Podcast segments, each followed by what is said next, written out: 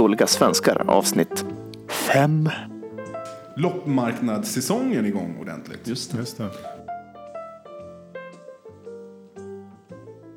Jag har varit intresserad av det här ämnet nu några år. Först när jag hörde det så det låter lite science fiction. Så här, ja, men Kommer datorn ta över män- mänskligheten? Terminator, science fiction, det var bullshit.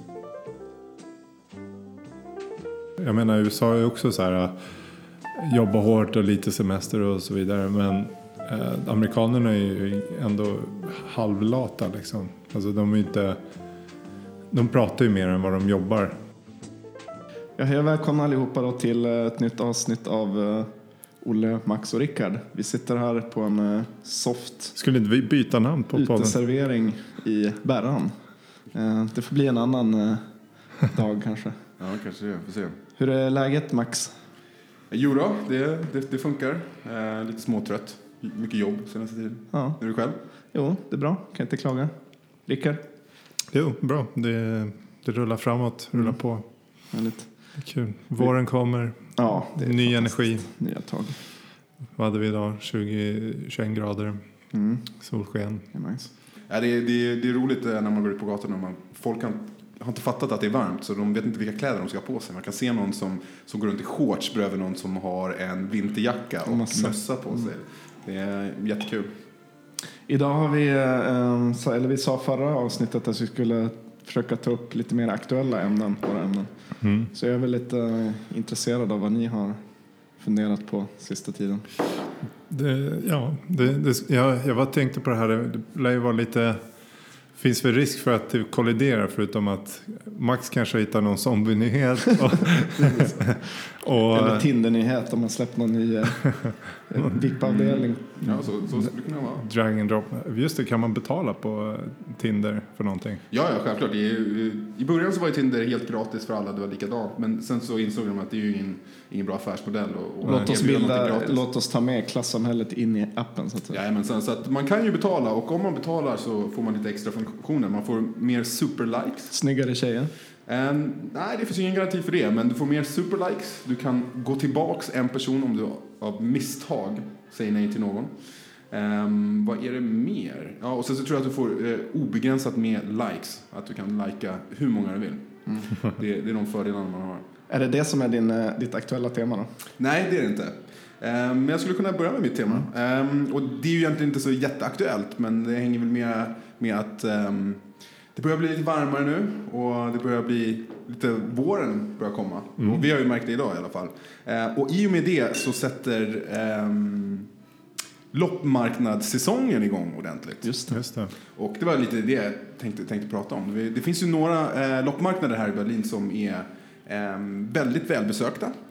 Och om man tittar på internet så det finns över 50 stycken eh, loppmarknader i, bara i Berlin. Och det känns lite som om att gå på loppmarknad är eh, ett, folk har ett större intresse av det här i Tyskland. Eller i alla fall i Berlin, som om det verkligen är en grej. Eh, innan jag flyttade till Berlin så var det aldrig så mycket snack om att på söndag gå på en loppmarknad. Som när man väl flyttade hit. Men det är känns bara som att fattigt det- folk. Det känns som att det finns eh, många second hand-affärer i Sverige men kanske inte lika många utemarknader på torg och sånt. Alltså i, i, i Stockholm så finns det ju flera eh, loppmarknader, det gör det ju. Men inte, jag tycker inte att det är på, på det här sättet. Att det, är- att det är som en... eh, Alla som bor i Berlin ser det som ett, ett av de här go-to-grejerna som man kan göra på söndag är att gå på loppmarknad. Ja. Så, så känns det för mig. Så om, om man inte har varit ute och festat kvällen innan, vilket väldigt många gör, ehm, så går man och brunchar och går på loppmarknad. Eller man kanske går på museum eller man går till en park. Men att det är liksom en sån här liksom standardgrej som Samtidigt känns det som att alla svenskar älskar loppisar. Alla svenskar som kommer hit vill gå på loppis. Ja, och att det då, i och med det har liksom att det har blivit en grej också ehm, i Berlin. Och alla kanske känner till den ehm, mest välkända kanske är uh, Mauerpark, skulle jag gissa på. Vilken är det? Ja, vilken är det? Nej. Ehm, här i Berlin så finns det en park som är, eh, kallas Mauerpark, som är den murparken. Så helt enkelt att Berlinmuren, stor del av Berlinmuren låg där och sen så när man rev muren så blev det mycket plats och sen så då blev det en park. Och där sedan många år tillbaka så har det varit en stor loppmarknad som har öppet alla söndagar. Ehm, och den är Och ju- även karaoke. och de har även karaoke i parken där bredvid, ja. Ehm, och det är ju ett stort turistmål. Så um, man märker verkligen att det är väldigt mycket turister som går dit. Det är ju trevligt att gå dit men det är ju inte så att du kan fynda att hitta, hitta Nej, det var det jag var inne på. Jag tycker i princip att second hand-affärerna i Sverige är bättre för det är så jävla mycket billigare. Gå på en, eh, en second hand-affär i Berlin får du ett fint bord för kan kosta flera hundra euro. Medan i Sverige kan du gå på någon, någon sån här eh, Frälsningsarmén-affär och hitta samma slags bord för 30 spänn. Ja, nej, det är ju... Jag tycker det är dåligt. Ehm, jag tror, Olle, du har helt enkelt gått till fel marknad. Det är det som är. Jo, men det, jag menar om man, om man går på Mauerpark Ja. till exempel eller Boxhagener plats eller eh, även ja, de andra stora så är det ju mycket, mycket dyrare. Jag tycker inte de är, det är inte hög kvalitet på de marknaderna överhuvudtaget. Det är ganska, eh, vad ska man säga, mycket slit och slängprodukter. Alltså slit och släng, jag säger bara att de är, det är väldigt slitna produkter. För väldigt höga priser jämfört med till exempel om man går på mer seriösa. Du kanske har varit på lite mer seriösa loppisar. Där man liksom verkligen ser, shit det här är ju riktiga antikviteter och sånt där. Ja, det, det kanske går emot själva grejen med just loppmarknaden att det är väldigt fina utvalda antikviteter. Men, ehm, Men det, finns... handlar ju om, om efterfrågan i Berlin är så pass Ja. hög som driver upp priserna. Ja. Om ni åker bara ut eh, någon annanstans i Östtyskland så kan ni hitta också Och det, det, samma var, det saker var också en del, av det som, som, jag ville ta upp. är att eh, De loppmarknader som är inne i stan som är trendiga och folk går på på söndag, coola människorna går dit och ser det som ett söndagsnöje. De är ju inte riktigt för att hitta ett fynd. Eh, de är ju turistiga och så fort det kommer turister då går priserna upp. Om du vill hitta ett fynd då måste du liksom försöka ta det liksom utåt på kanterna av Berlin. Och så, det är nästan så, lite längre ut du kommer, mer i förorten, desto billigare blir det. Men har du något tips då? För det blir ju slentrianmässigt att man drar till. Alltså, det, saken är, om du verkligen vill gå på loppmarknad, grejen är att du måste vara ute tidigt. Det, är, det är nummer ett. Alltså. Eh, De flesta marknaderna öppnar klockan 10 på morgonen. Och om du vill det fynda, är jävligt tidigt. det är alltså, tidigt jag på söndag. Rickard tycker att Det är tidigt på söndag. roligt. Men om det är så att du vill Halva fynda dagen förbi. och verkligen hitta någonting, då måste du stå där precis när porten öppnas. Det är det du måste göra. Och det är det som taktiken alla liksom riktiga fyndare har. Att de går dit, de är där en halvtimme innan och ser till så att de står längst fram och sen så när de öppnar grindarna så kutar de in för att vara de första som hittat och då går kommersen igång ordentligt. Ehm, om du kommer dit två timmar senare, då alla fynden är redan borta. Och eh, med den här taktiken så kan du till och med hitta eh, fynd, bra grejer på Mauerpark till exempel. Kanske inte på Boxhagen plats eftersom den är den är så pass liten och så etablerad på det sättet att det, är ju näst, det är nästan som att gå på ja, butiker som säljer antiker. Eller, Så Men- där kommer priserna kanske vara mycket högre. Jag skulle säga att det, de har ju sina standarder på på boxarnas plats. De har ju liksom någon med så här cykellås från Kina som de har köpt på Alibaba som de säljer. Och, ja, du kan byta ut cykellås mot andra så här produkter, bra att ha produkter. Men de flesta så här möbelställen eller möbelgrejerna är ju verkligen riktigt dålig kvalitet. Och det är ju som en egen litet ekosystem det här med den här second hand. Om du åker ut till tippen, till BSR-tippen som jag och Olle har gjort. Så står det eh, liksom bil efter bil efter bil på, på den här långa vägen i, i Neukölln. Eh, Grenzallee. Står det bil efter bil efter bil med så plakat. Står det så här. Eh, vi tar din gamla ugn, vi tar din gamla whatever. Så att du kan dumpa ditt skräp till de här snubbarna då som tar hem det och kanske reparerar eller så tar de bara med sig det till nästa Maudpark och försöker bli av med det liksom. En av anledningarna varför, varför var du och pratade just om loppmarknader är, är just att jag har kollat på två avsnitt av Antikrundan eh, häromdagen. Mm. Det Vilket börjar är- verkligen bli gammal.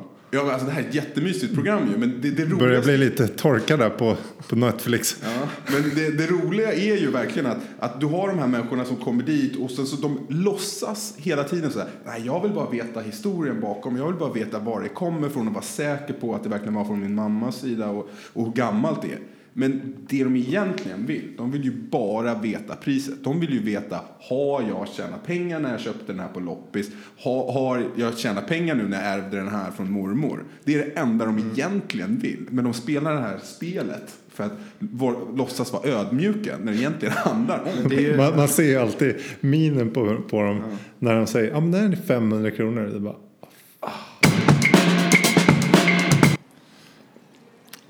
tar vi en klunk på det. tar vi en klunk på det. Insuper detta faktum. Ja, vad säger du Olle? Har, har du något, eh, något skönt ämne? Som kanske är mer aktuellt än mitt. Nej, det är, jo på sätt och vis. Brännande. Det är ett ganska annorlunda ämne än Max ämne om man säger så. Um, känner ni till spelet Go? Vet ni vad det är för något? Ja, det är ett eh, kinesiskt eh, strategibrädspel. Eh, 2500 år gammalt, så det är väldigt, väldigt gammalt. Mm. Ehm, och man har ett, ett eh, bräde som ser ut som schackbrädet. Fast det är mycket större, det är 19 gånger 19 istället för 8 gånger 8 Och eh, så ska man, har man olika stenar, det är två spelare så den ena spelaren har vita stenar och den andra har svarta stenar. Ska man ställa ut dem, inte på utan mellan de här fälten. Och så ska man erövra territorium och så kan man även omringa motspelarens stenar och så får man det territoriet och så. Och ehm, vet ni varför jag tar upp det här? På vilket sätt det kan vara aktuellt om ni har läst någonting i? Ehm, det har varit, det är väl så att det är första gången en dator har slagit en, en mästare. Precis. Ehm, den spelaren som anses vara bäst i världen, det här är en jättestor, ett jättestort spel, framförallt i Asien. Mm. Och det är många, många, många miljoner som spelar det här och det anses vara extremt svårt att slå människor. Alltså även de bästa datorerna har aldrig lyckats. Fram till nu, nyligen då, då den spelaren som ansetts vara bäst i världen, en sydkorean, har slagits. De spelade eh, bästa fem matcher och datorn vann fyra av de fem matcherna. Och Måste det är svida. första gången som en dator vinner mot en så, eh, så bra spelare. Eh, Så det jag tänkte snacka om det är ett ganska aktuellt ämne. Dels aktuellt på grund av det här som är någon slags milstolpe för, för eh, AI då, Artificial Intelligence. Och um, det är ju ett ämne som är väldigt aktuellt också, rent allmänt. Um, kan ta, ehm, um, 2011 så slog Watson-computern uh, eh, uh, eh, människor i Jeopardy och fram tills dess hade man alltid sagt ja men um, datorn kan göra väldigt mycket men just Jeopardy det är så svårt spel för att det handlar mycket om liksom formulera sig och tänka outside the box och så vidare. Det är inte bara som schack. 1997 blev världsmästaren slagen i sch- i schack av en dator första gången. Eh, Så att det har hela tiden flyttats upp positionerna på vad en dator kan göra och nu har de då äntligen inom citattecken eh, slagit eh, en människa även i Go.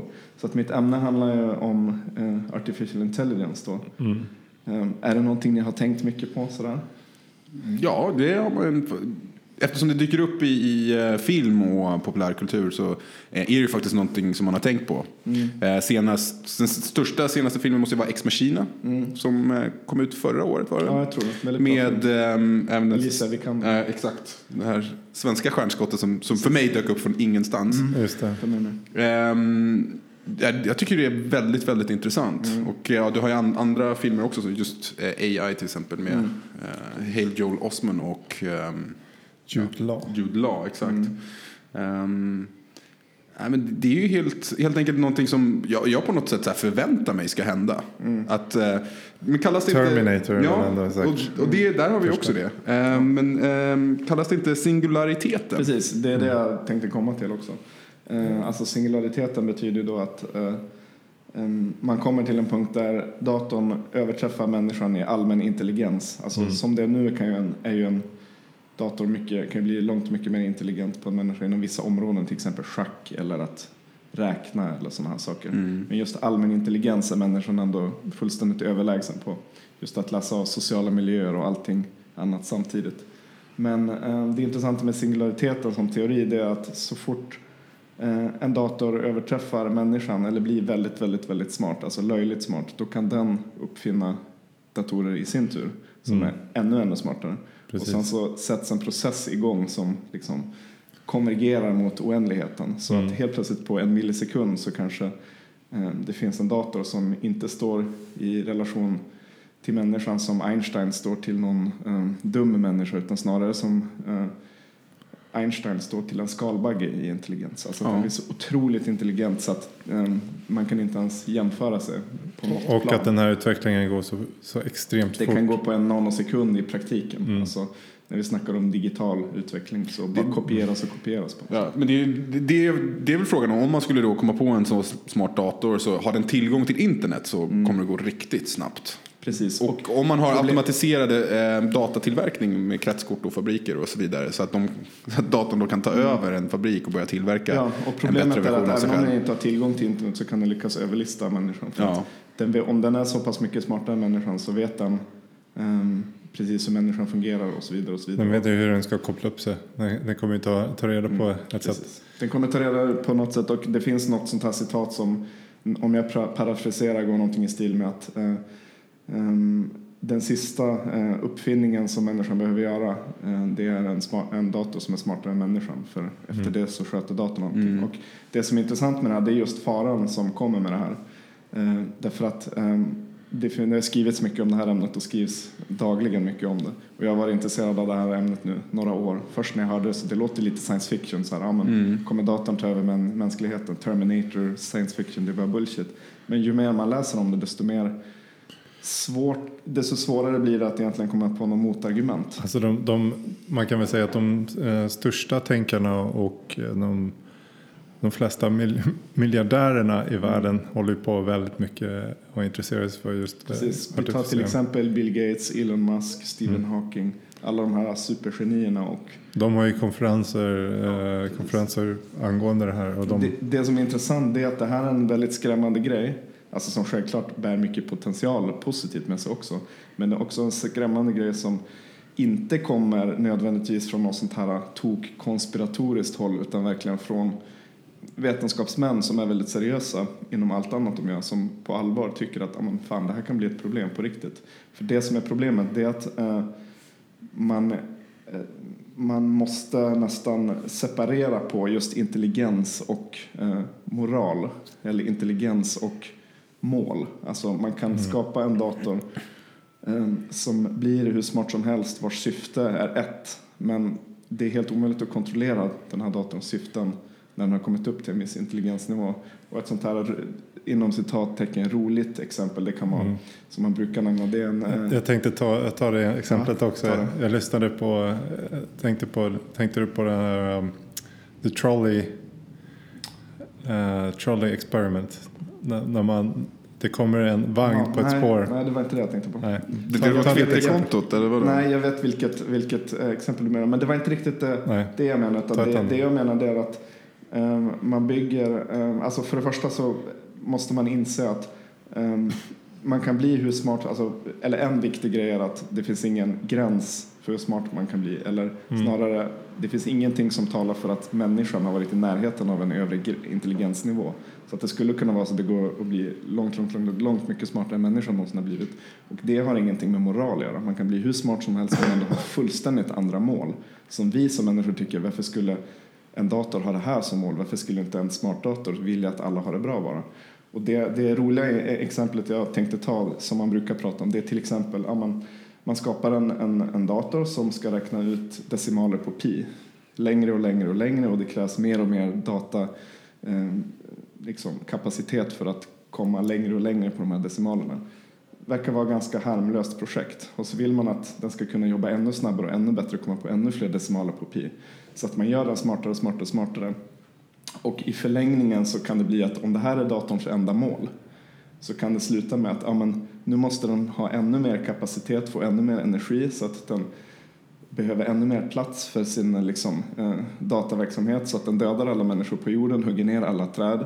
Den skapar rymdraketer, koloniserar andra planeter för att utvinna energi för att liksom För att kunna fortsätta kunna räkna, räkna. ut ännu mer decimaler på pi. Snart har den tagit över halva universum.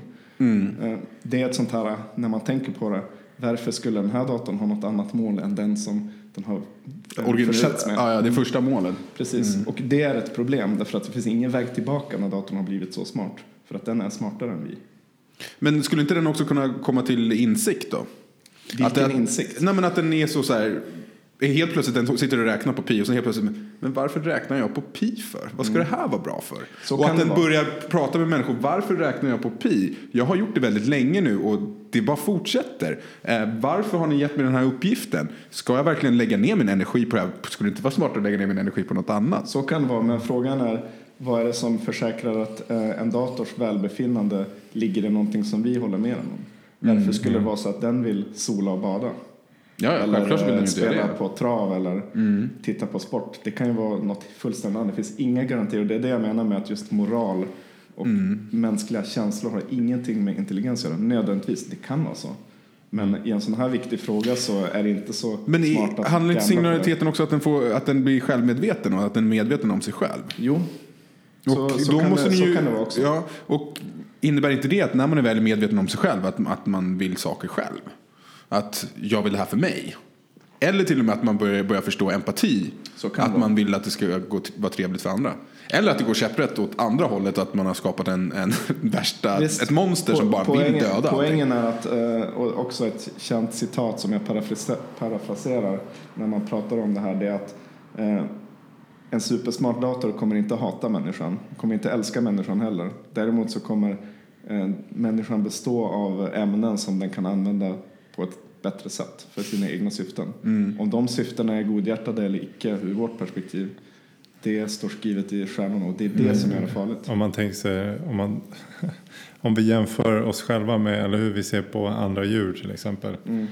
Så vi tycker ju om kossor och tycker de är söta. Vi, vi läser sagor om kossor. Eh, men vi tycker också om att stycka upp dem och, och, och äta upp Det är en dem. bra liknelse faktiskt. Så att eh, vi, vi ser liksom en annan, alltså vi ser, det finns många, den har liksom ett livsspann som vi, vi tycker om men Mm. till slut så tycker vi det är bättre att äta upp dem. Liksom. Och det är det jag tycker de gör snyggt i den här filmen som du tog upp, Machina. Att, ehm, spoiler alert om det är någon som har inte, Jag har inte sett den. Du har inte sett den? Vilken, eller den med, med Alicia Vikander. nej det har jag inte sett. Utan att avslöja för mycket så den här datorn lyckas lura människor på ett väldigt snyggt sätt tycker jag i filmen. Som känns väldigt plausibelt och trovärdigt. Mm. Man vill så gärna tro och den är så oerhört övertygande på vissa sätt. Mm. Eh, Och sen när man väl har låtit den få tillgång till vissa saker som inte var tänkt, då är det kört. Ja, då är det för sent. Mm. Då är det för sent. För att det är ingen människa som har våra känslor och mål, utan den har kanske sina egna mål. Mm. Så att jag bara vill, jag antar att jag vill prata om just det här att eh, det känns som att de allra flesta i ens vardag har aldrig ens tänkt på det här. Och jag har pratat med folk om det här som bara har skrattat åt mig och bara eh, du måste skämta, typ, ska robotar ta över världen? Och jag tänkte likadant för några år sedan innan jag började läsa mer och mer om det här. Och det är det som det så intressant. Ju mer man tänker på det, desto mer desto Ja, det måste ju finnas... det eh. Jag menar, så har det ju varit genom alla tider. Att folk som har levat på den tiden Mm. har inte kunnat gissa alls. Vad kommer hända om två, 200 år? Hur kommer det vara om 200 år? Mm. Eh, våra farföräldrars farföräldrar, kunde de föreställa sig en dator, eh, möjligheten att ta upp ljud på en mikrofon, eh, att alla gick runt med en telefon i fickan, skulle de ens kunna föreställa sig det? Nej. Nej. Och på samma sätt som de inte kunde föreställa sig det så kan vi inte föreställa oss vad som kommer hända Och det var 200 därför jag tog upp snabbt det här i ett väldigt kort perspektiv. 97 Deep Blue slår eh, eh, Garry Kasparov i schack, världsmästaren. Det var ingen som trodde det skulle hända några år innan. Bara, men, datorer kan bli bra på MS-röj men schack slår de oss fan inte. Slår de dem Jeopardy 2011 och nu Go. Mm. Nej. Snart är vi där grabbar. Ja, vi är snart där. Jag, det skulle absolut inte förvåna mig om vi kommer till en eh, sån, sån värld. Så, eh, iRobot är också ett sånt exempel på det. Att, eh, bygger, att robotar som hjälper oss alla. Och sen så har de tre grundregler och en av reglerna är att de, de får, eh, reglerna är baserade på att de får inte skada människor, de ska göra allt för att hjälpa människor. Det, eh, människor är viktigare än vad de är. Men då är det en av de här robotarna som kommer på, men vänta, vem är det som dödar mest människor? Jo, det är ju människor som gör det. Så det bästa är ju om vi som robotar kontrollerar alla människorna. Då kan ju inte de skada varandra, så då är det inga människor som dör i onödan. så att de går runt, de Och går det ett steg det över den det är här exakt, logiken. det är exakt, exakt det exempel som du drog fast du tog pi.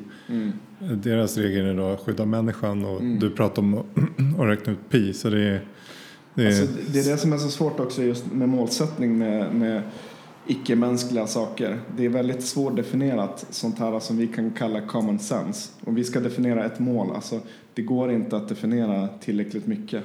Eh, Det skulle ta upp oändlig plats. Det finns också något sånt här ganska känt exempel om att eh, en robot kommer till ett brinnande hus och en mormor sitter i rullstol inne i huset och robotens mål är att få ut mormor ur huset. Så att han skickar in en raket som skickar ut mormor ur huset. Fast då kommer den falla ner på marken och dö. Så då måste du omdefiniera så här. ta ut mormor ur huset utan att hon faller ner från marken och dör. Men då sabbar roboten det på något annat sätt, spränger hela huset eller whatever. Du vet, så måste Mm. man fortsätta definiera eh, i all oändlighet. För att Mm. det kommer alltid på något sätt som är effektivt och bra. Fast som i slutändan blir dåligt. Alltså, Ja. jag förstår tanken. Det är Mm. väldigt svårdefinierat. Det som jag läst, alltså det var några år sedan, så var, det finns en jätte, jättekänd eh, forskare och miljardär som, eh, som påstår att människan kommer integreras med datorer eh, innan så att säga det finns en superdator som, eller till exempel en, en iRobot. Mm. Så innan det ens kommer inträffa så kommer människor att redan vara Hybrider typ. hybrider uppkopplade. Ja. Och det känns också som väldigt långt ifrån Vänta nu, att vi stoppar in någonting i oss och bla bla bla. Det känns väldigt långt ifrån eh, liksom som ett moraliskt övergrepp mot, mot människan och stoppa in ett, ett chip och att vi, vi då helt plötsligt är uppkopplade. Att vi kanske bara ligger i någon kuvös eller någonting sånt där.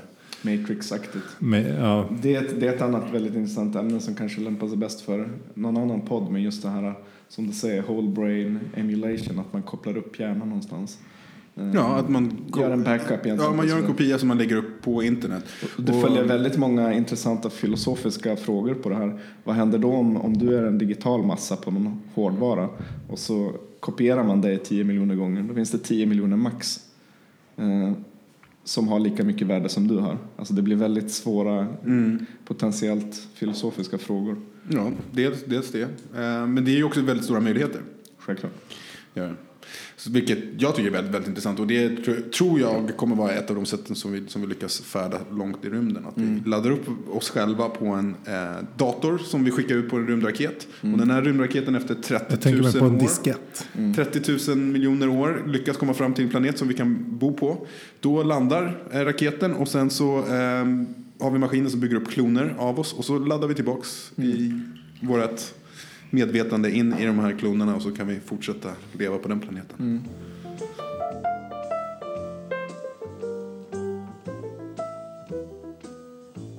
Ja, du, du var i Asien, började du, så jag, jag börjar också där. jag har eh, tre, tre små smutta ämnen. Tre små rätter. Eh, nej, men, eh, har ni hört talas om uttrycket karoshi? Nej. Ehm, faktiskt eh, så har, har jag det. Men är eh, berätta mer. slags, är det ett mer. slags sushi eller? Nej, Max, Max kan berätta. Jag tror han läste tidningen idag. Ja, det, det är precis det jag har gjort. Ehm, det är ett japanskt begrepp. Ja. Ehm, som helt enkelt ehm, säger att man eh, har dött på grund av arbete. Och då framförallt överarbete. Mm. Överansträngning ja, på arbete. Ja, just det. Det, det låter som vårt jobb på callcenter, Max. Ja, det var, ju- Det var nära det var stressigt nära där, karoshi, Ja, ja. eh, Det var därför jag slutade. Det var därför jag slutade. Hård bransch. Ja, men det, säger, det säger så mycket om deras kultur på något sätt. Att, I Japan. ja, men liksom, det, alltså det här är ett begrepp som man använder för att man, man till exempel stämmer ett företag.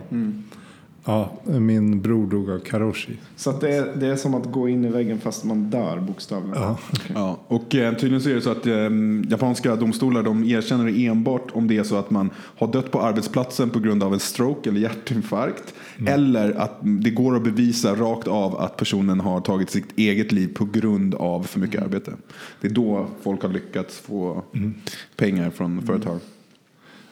Eh, och jag, jag bara, har ni någon, någon eh, har ni varit i Japan till exempel? Nej, jag har aldrig varit. Jag har inte varit i Japan men jag har alltid haft ett, ehm, eller alltid, jag har, jag har väldigt länge haft ett stort intresse av den japanska kulturen. För den är ju helt, helt annorlunda i, i jämförelse med vår kultur. Mm, eh, Det, det, det känns som att det är något väldigt asiatiskt med att gå all in på vissa sätt utan gränser. Jag tänker på sydkoreanska tv-spels eller dataspelare som sitter på internetcaféer och, och spelar tills de dör. Mm. Eh, Och, det är ju eh, ett problem i folk dataspelsproffs ja. ehm, som ehm, går i pension när de är 19 för att då, det är för mycket jobb att, Mm. vara nej, dataspelsproffs. Det känns, eh, ja, det är en, eh, vad ska man säga, Mm, effektiv kultur. Men, eh, alltså, har det någonting med att göra just att det är så stor konkurrens? Att det är det enda sättet att ehm, kunna ha en chans att eh, komma framåt. Att man måste satsa allt. Men det För väl det, säkert- det finns så många andra som också är villiga att satsa så Det har väl mycket. säkert att göra med, med deras syn på status och vad som är status. Och det är Mm. väl Det måste ju status också med att få framgång inom Med deras, ark- deras hederssystem och inte förlora ansikte och, och den här saken att man ska vara på ett visst sätt. Och är man inte det så... Men jag tycker det är intressant för hur, hur kommer ett samhälle så pass långt som du säger, jag har också tänkt på att äh, är det här Eh, är de drivna eh, av eh, till exempel sociala normer och eh, att det är liksom vassa armbågar som gäller för att man ska kunna komma fram i, i näringslivet. Så att det, de har liksom ett företag har, när de ska anställa någon person så finns det 5000 andra exakt likadana. Och det enda som liksom urskiljer dig från den andra det är att du kanske jobbar en sekund snabbare än den andra. Mm.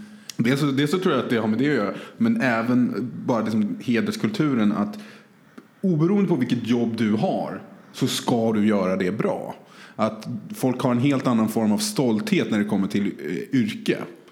Ehm, att om jag jobbar på en offentlig toalett jag är stolt för att jag jobbar där. För jag gör ett riktigt bra jobb. Jag ser till så att den är jätteren. Jag säger hej till alla som kommer in där. Det är ingen som, som tycker att det här är en dålig toalett. Jag är stolt över att jag jobbar på, på den här liksom Tokyos officiella. bästa toalett. Ja, nej, men att, att man har den, att man ser så okej, jag kanske har ett yrke som har ett låg status, men jag försöker göra det så pass väl att det får högre status så att jag behöver inte skämmas för att jag eh, plockar upp sopor på gatan eller för att jag gör rent toaletter, för jag gör det så jävla bra. Men nämnde vi inte det i en tidigare podcast just med asiatisk inställning till eh, auktoritet och sånt. Just med den här, den här andra piloten som inte vågar säga ifrån huvudpiloten även om vi visste att de var på väg att störta. Var det inte vi som pratade om det? Nej. Nej, men det finns någon sån där anekdot om någon, eh, någon eh, andra pilot som inte vågar ens säga ifrån sin huvudpilot att de är på väg att starta för att man får inte bryta den här auktoritetsbarriären. Andra piloten ska inte säga till första piloten vad man ska göra och inte göra. Så att han eh, eh, går hellre i graven än att göra det, så att de startar. Men jag tycker det är intressant för Japan är ändå, eh, ska man säga, de blev ju eh, bombade av USA och sen USA gick in och byggde upp eh, eller försökte återbygga samhället och det blev liksom ett demokratiskt Japan och allting. Så att, Med baseball som nationalsport. ja, precis. Till exempel. Ehm, men att just den här, jag menar USA är också så här, jobba hårt och lite semester och så vidare. Men eh, amerikanerna är ju ändå halvlata liksom. Alltså de är inte, de pratar ju mer än vad de jobbar.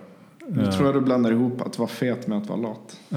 Nej men de, de, jag menar det är självklart att det är många amerikaner som jobbar stenhårt och så men det är ju många som även pratar mer än vad de faktiskt gör. Så att, Är, är det någon som vet, vet vad, har, finns det någon statistik på hur många som är arbetslösa i Japan? Självklart, men inte som jag har framför. nej, Ehm, I jämförelse med hur många som är arbetslösa i USA. Uh, Olle kollar upp det lite Ja. snabbt. Mm. Men jag kan, nog, jag kan nog säga att det, eller kan nog gissa att det ligger någonstans i alltså genomsnitts, uh, västerlands genomsnitt. Jag tror att de är väldigt få eh, arbetslösa för att de har en uh, åldrande population och sådär. Jag kan flika in att Japan har en arbetslöshet kring 3 procent drygt. Så det är mycket lägre än till Ja. exempel Sverige på 7-8 procent. Mm. Och Sverige jag skulle misstänka att USA har en ännu högre, på, ligger på 9 procent. Ja, Tysk, ja, Tyskland är högre. Mm. Eh, Men själva den här eh, hierarkiska um, och auktoritetsbärande eh, ryggraden i hela sociala systemet. Om det kommer från att det har varit dåligt med resurser förut. I i det här fiskefolket liksom. Ehm, ja, alltså det måste ju på något sätt ha varit lite så i alla fall. Och även med buddhism och konfus... eh, Vad, sa du? vad kallar du det? Konfucianism. Konfucianism, det är så man säger på, på svenska. Ehm, så har de också en helt annan eh, syn på, i alla fall historiskt sett, på, på mening med ett människoliv till exempel. Eh, om du tittar tillbaks eh, innan Japan öppnades för västvärlden, när de var isolerade på sin ö och hade olika ja, herrar av olika delar och en shogun och kejsare och så vidare. Ehm, då var det ju så om, om din ledare blev dödad så var det ju inte ovanligt att 2000 soldater, hans närmaste soldater, också blev dödade efteråt. För att deras ledare var död och det fanns ingen mening med deras liv nu. Så att det var helt lugnt att, ja, nej men Ja, bara halshugga all- allihopa, det är lugnt, det gör vi när det är så. Det är inte så här, okej nu har vi vunnit, din, din ledare är död, nu tar vi över och sen så kan ni jobba för oss liksom. Eller åka hem och, och vara bönder igen eller vad som helst. Utan det var så här, nej de ska dö för att de har ingen mening längre. Eller att man kunde säga att ja, men en hel by, nej men det är bara bränn den för att eh, vår ledare är död. Så det är bara bränn den, det, det, de är, det spelar ingen roll. Livet har ju inte någon, Har ingen någon, mening. har ingen mening ändå. Just när vi pratar om arbetslöshet. Att i Japan så kan, är det också så att de har skapat väldigt många jobb för, som man kanske inte egentligen behöver. Okej. Ehm, framförallt i, ehm, när det kommer till så här, trafik. ehm, och bygg, byggen, att man bygger vägbyggen och sådana här saker. Att de, de har grabbarna som, som jobbar och, och fixar gatan. Och sen så har de så här, tre, fyra personer som jobbar med att hålla skyltar och dirigera om trafiken. Just Det är ett sätt Så- att driva ner arbetslösheten. Ja, men så att de har också ett jobb, men någon måste stå där och hålla koll på. Det kan ju helt enkelt vara så att det jobbet är skapat, eller så är det så att det är så pass mycket människor så att det behöver någon jäkel med en skylt där, för annars kommer, Det funkar skulle, inte. Det skulle behövas i Indien till exempel också för att folk kör helt horribelt där. Och så. I alla fall ett land av kontraster, det kan man ju lugnt säga. Och ehm, robotar. Och robotar, mycket robotar. De är bra på robotar i Japan. De tycker om robotar. Om, om man hoppar, hoppar från det då och eh, du pratar om ledare och sådär så börjar jag tänka på eh, vem kommer bli amerikans, eh, alltså USAs nästa president? Det är jag ganska säker på. Om jag får sticka ut näsan här. Eller hakan eller vad säger man? Ja, Jag är ganska säker på att Hillary Clinton kommer bli president. Du är ganska säker på det? Ja, det, är, väl- det är väl det säkra vadslagningen. Det känns, Ehm, eh, Jag hoppas ju på att det blir Bernie Sanders, det hoppas man ju på. Glöm din dröm kan jag säga.